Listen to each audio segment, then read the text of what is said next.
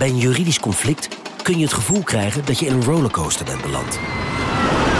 Je wereld staat op zijn kop en je bent de controle even helemaal kwijt. Dan is het fijn als je bent verzekerd bij ARAG. Daar werken topjuristen en advocaten die je begrijpen. Die een stap extra voor je zetten. En je het gevoel van controle teruggeven. Met kennis en informatie, met heldere uitleg en met gericht advies. ARAG, juridisch probleemoplossers.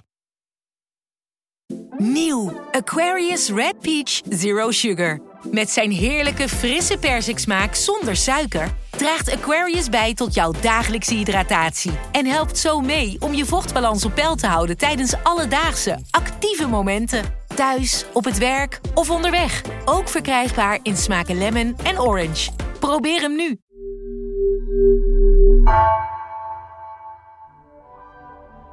Vanaf de redactie van NRC, de zomer van vandaag. Mijn naam is Geertje Tunter.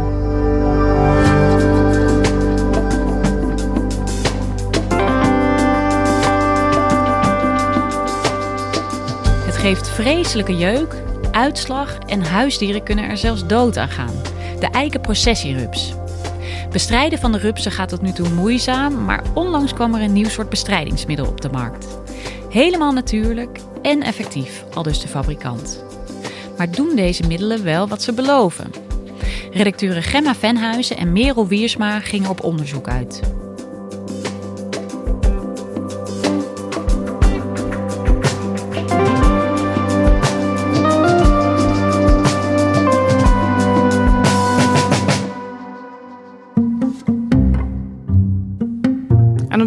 Deze zomer ging ik samen met collega Gemma Venhuizen... reden we achter een zwarte SUV aan. En ja, we wisten eigenlijk niet zo goed waar we naartoe gingen. Links, rechts, bomen.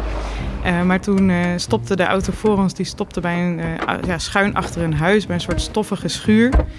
dus wij ook de auto uit, achter die man aan natuurlijk. En toen stond daar een soort ja, jerrycan...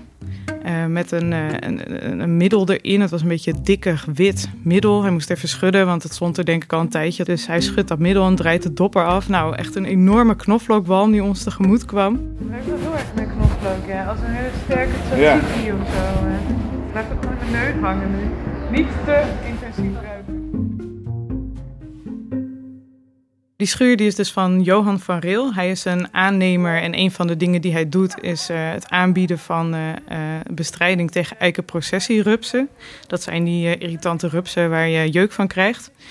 En um, nou ja, dat middel dat, dat zou dus helpen om, om die rups te bestrijden. Dus daarom had hij dat daar in de schuur. En je kan het wel gewoon aanraken? Zo dat er. Oh ja, ja. In principe kun je het gewoon eten. Ja, als sausje ja. bij je eten. Het is een beetje zeepig of zo voelt het. Vrij dik is het wel. Uh, en met dit middel zou je dat dan gewoon zo op een nest kunnen spuiten. Dus heel gebruiksvriendelijk. Ja, dat was fantastisch. Echt, ja. echt fantastisch. Ja. Uh... Maar er is iets aan de hand met dat middel. Want hij mag het eigenlijk niet meer gebruiken. Want dit soort middelen, als er stoffen in zitten als knoflook, dat is een biocide, dat is een stofje die schadelijk is voor uh, planten en dieren. Uh, ook knoflook is dus eigenlijk een stofje wat je niet zomaar in de natuur mag, uh, mag verspreiden. Omdat dat dus wel beestjes kan doden, bijvoorbeeld. Dat middel moet eerst goedgekeurd worden door het College voor Toelating van Gewasbeschermingsmiddelen en Biociden, het CTGB. Nou ja, en dat is niet rondgekomen. Ze wilden het graag versneld goedkeuren. Maar toen was de conclusie dat er eigenlijk al genoeg andere middelen al wel op de markt waren. En volgens uh, de normale goedkeuringsprocedure, uh, nou ja, dat werd te duur. En toen heeft de producent dat op een gegeven moment ja, gestaakt. Maar ja, voor Johan is wel jammer, want die was heel erg tevreden met dat middel. Ja, en die hebben nog twee tankjes. En dan We hebben nog twee tankjes, ja. Dan is het gebeurd. Dan is het gebeurd. Ja.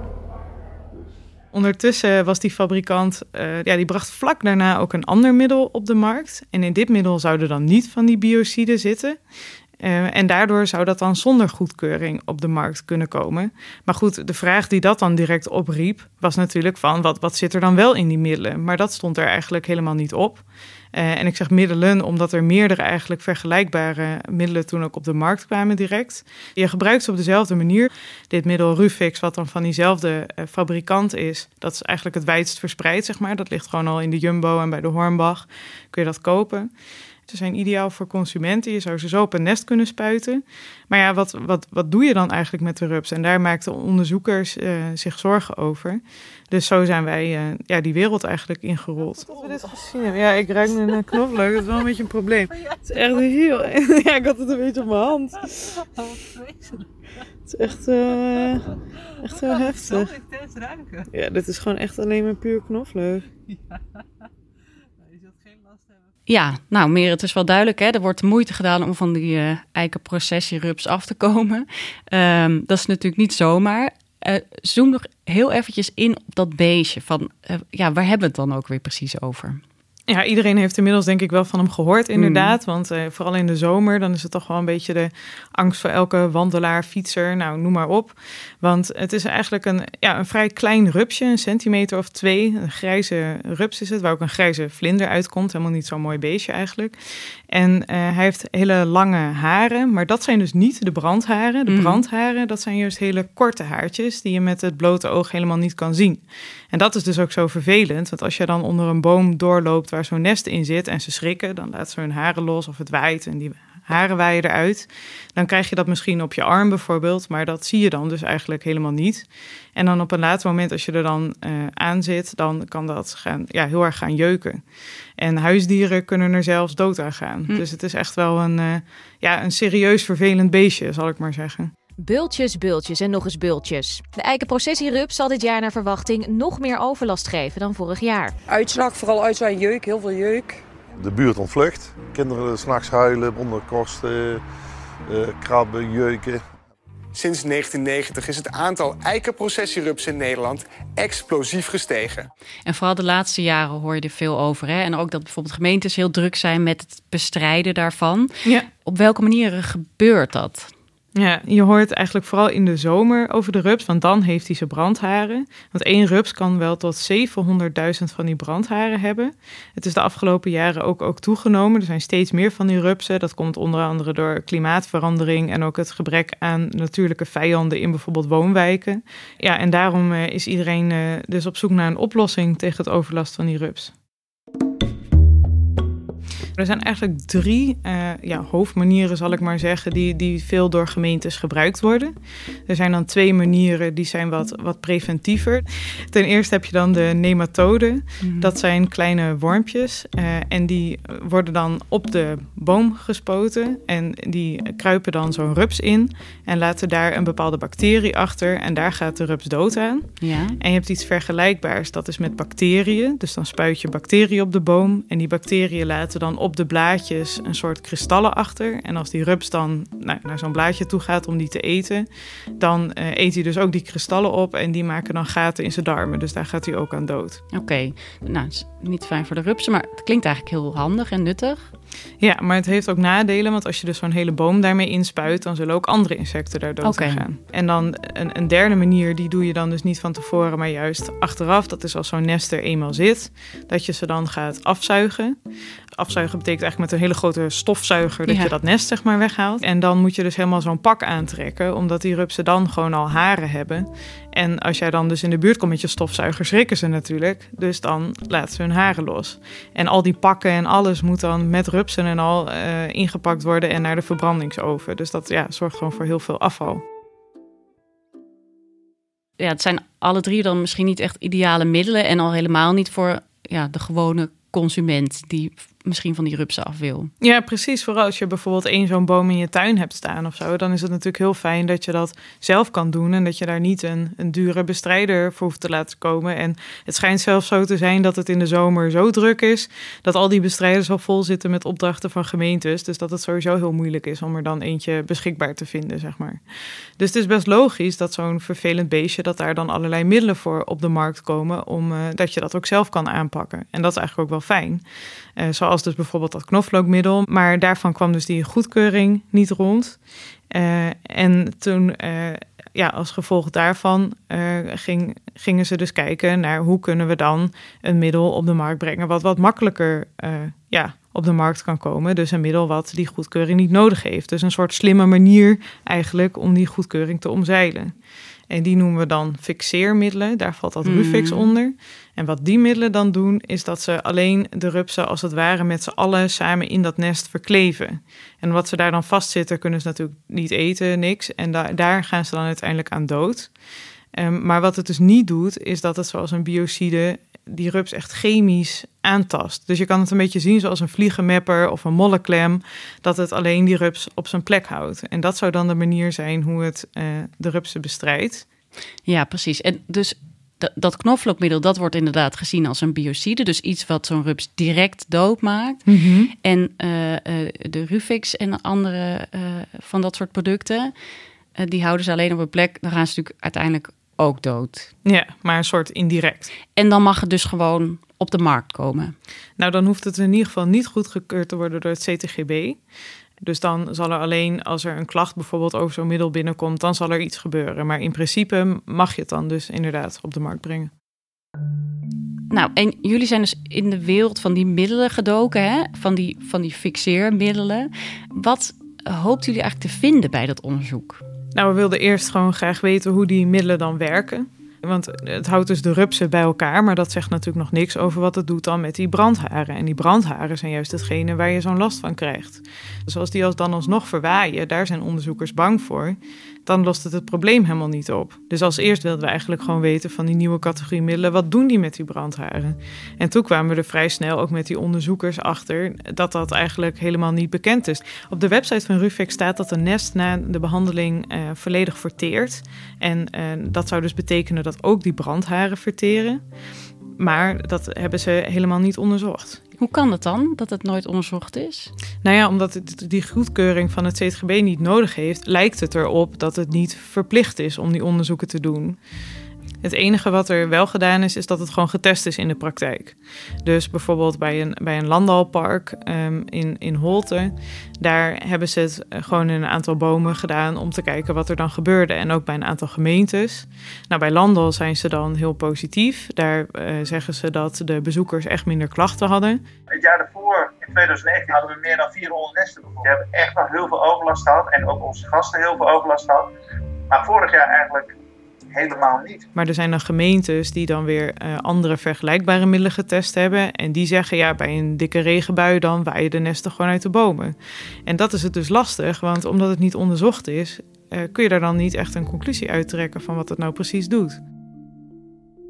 Vanuit chemisch oogpunt is het onwaarschijnlijk dat die brandharen, dat daar echt wat mee gebeurt, uh, zegt arts en chemicus Henk Jans. Nou ja, die brandharen die zijn opgebouwd uit een uh, harde buitenlaag. En uh, er moet nogal een sterk middel zijn om die harde laag kapot te maken. Nou, als je daadwerkelijk misschien iets wil doen aan het voorkomen dat die brandharen vrijkomen, zou je misschien een extreem chemisch middel moeten gebruiken. Misschien met een hele hoge uh, zuurtegraad of een hele lage. Mogelijk dat je daarmee de wand kapot maakt. Maar daarmee loop je wel het risico dat je dus niet alleen een gevaar bent voor jezelf bij het toepassen daarvan, maar ook voor mens, dier en milieu, die in de directe omgeving daarvan eh, aanwezig zijn. Ja, dus jullie vroegen je af, werkt dit middel wel echt? Ja, want op basis van wat Henk Jan zei en wat de producenten zelf zeiden, waren er dus eigenlijk twee mogelijkheden. De ene mogelijkheid was dat, uh, dat het middel inderdaad vriendelijk is voor het milieu, maar dat het dan dus heel onwaarschijnlijk is dat het iets doet met die brandharen. En dan zou het dus kunnen zorgen voor schijnveiligheid. Dus jij denkt dat je veilig onder die boom kan zitten, maar ondertussen zijn die brandharen er gewoon nog. En de andere optie is dat het middel dus een wat agressiever middel is. Maar goed, dan kan het dus ook echt wel iets doen met het milieu, of in ieder geval met de rups. En dan zou het dus een biocide zijn. Um, dus dan ja, zou het niet zomaar op de markt mogen en moet het wel goed worden onderzocht wat het dan precies doet met dat milieu. Dus toen uh, ja, leek het ons het beste om van een aantal middelen dan zelf maar eens te gaan kijken wat er nou eigenlijk in zit, om erachter te komen wat de werking dan is. Kan het zijn dat er een middel is wat inderdaad niet schadelijk is voor de natuur, maar wel zo'n haar aanpakt, of is het dan toch een biocide? En die producenten die wilden ons ook niet de ingrediëntenlijsten overhandigen, want die dachten van nou met ons patent dan gaat iemand het namaken. Dus ze wilden ons niet vertellen wat erin zat. Ja, en hoe ga je dan verder met het onderzoek?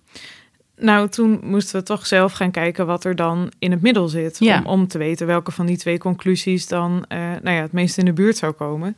Dus toen hebben we eh, het naar een, een universitair lab gestuurd. Hm. En eh, daar proberen ze te achterhalen wat de ingrediënten zijn. En ze meten onder andere de pH-waarde. Nou, dat kunnen we hier ook wel even... Ja, het is natuurlijk een wat simpelere manier... maar dat kunnen we hier ook wel even zelf laten zien. Ja, want je hebt een flesje meegenomen. Ja, je kan hier dus ook zien dat erop staat natuurlijk, plantaardig. Nou ja, en dan het enige wat erop staat over de ingrediënten op basis van water en polymeren.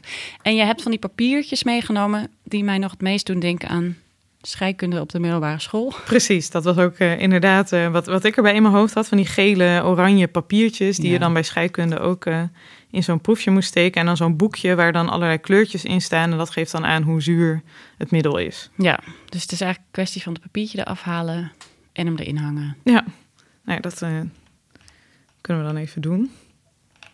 En moet je wel eh.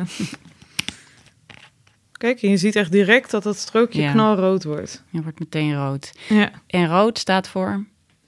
Nou, dan kijken we weer even in het boekje. En rood is, het is gewoon rooier eigenlijk Ja. dan eh, het meest zure wat er in dit boekje staat. Dus Ja. ja. dus dan zou je zeggen, het is natuurlijk niet heel nauwkeurig, maar een pH van 1. Nou ja, en dat was ook wat er uit dat lab, wat dit dus op een professionelere manier heeft gedaan. Die zeiden ook van, het heeft ongeveer een pH-waarde van 1. Ja. En wat zegt dat dan? Nou, ehm, in ieder geval dus dat het extreem zuur is en een extreem zuur middel. Daarvan is het heel onwaarschijnlijk dat het niks met die rups doet. Dus dat het niet alleen maar de rups vastplakt, maar dat het ook nog iets anders doet. Ja. En je kan dan zeggen van een middel mag wel een beetje zuur zijn om te zorgen dat het niet gaat schimmelen bijvoorbeeld, dus voor de houdbaarheid.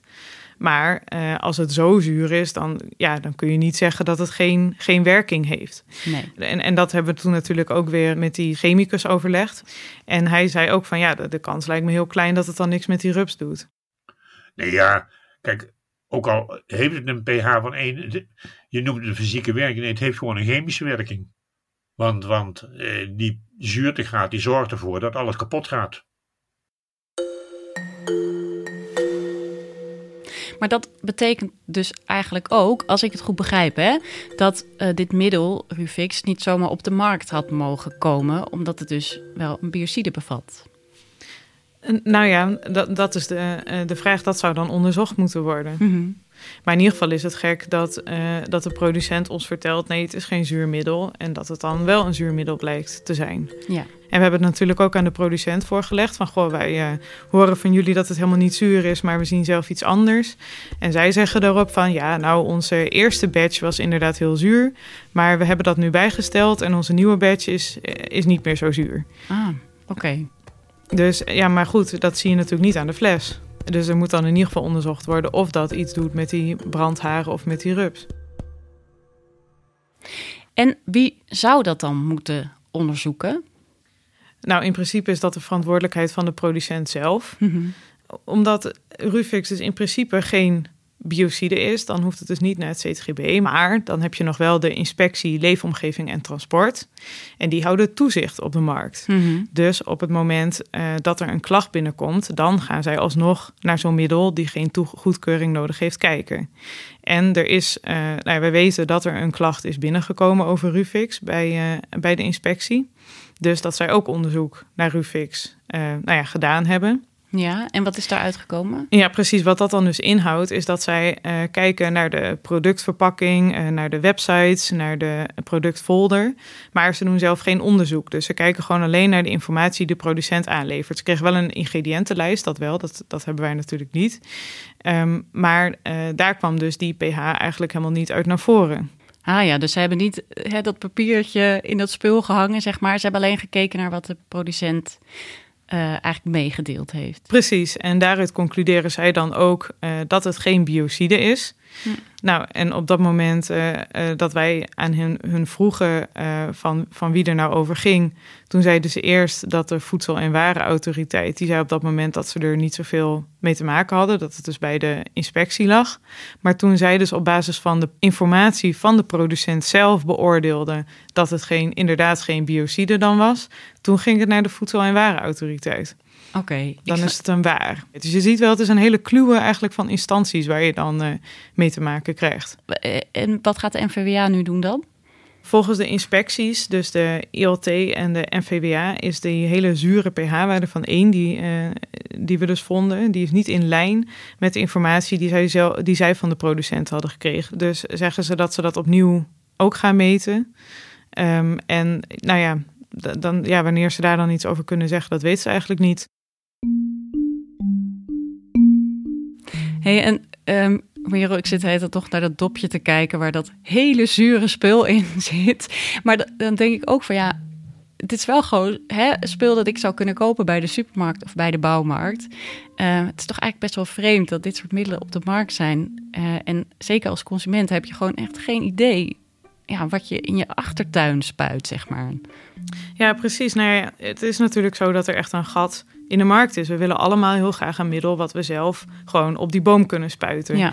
Maar dan hoop je natuurlijk wel dat, uh, dat er in het middel zit wat er ook op staat. En dat er überhaupt op staat wat erin zit. en dat die producent zelf ook die verantwoordelijkheid neemt om dat middel dan goed te onderzoeken. Maar aan de andere kant hoop je natuurlijk ook dat die instanties, eh, als ze iets vermoeden, als ze een klacht binnenkrijgen, niet alleen naar de informatie kijken die de producent aanlevert, maar ook echt onderzoek doen naar zo'n middel. Dat er instanties zijn die daar snel dan een besluit over nemen. En niet dat dat dan heel lang duurt, terwijl dat die middelen ondertussen gewoon op de markt zijn. Dankjewel, Merel. Graag gedaan. Je luisterde naar vandaag, een podcast van NRC Eén verhaal elke dag.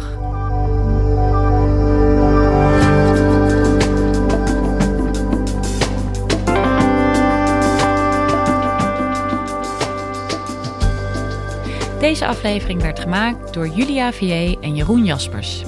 Volgende week hoor je onze vierdelige zomerserie, waarin we met correspondent Gary van Pinksteren kijken naar de groeiende macht van China en Azië. Steeds minder landen in de regio lijken weerstand te kunnen bieden tegen de enorme druk die van dit machtige land uitgaat, tot grote bezorgdheid van Amerika. Is dit het gebied waar de machtsstrijd van de toekomst zal worden uitgevochten?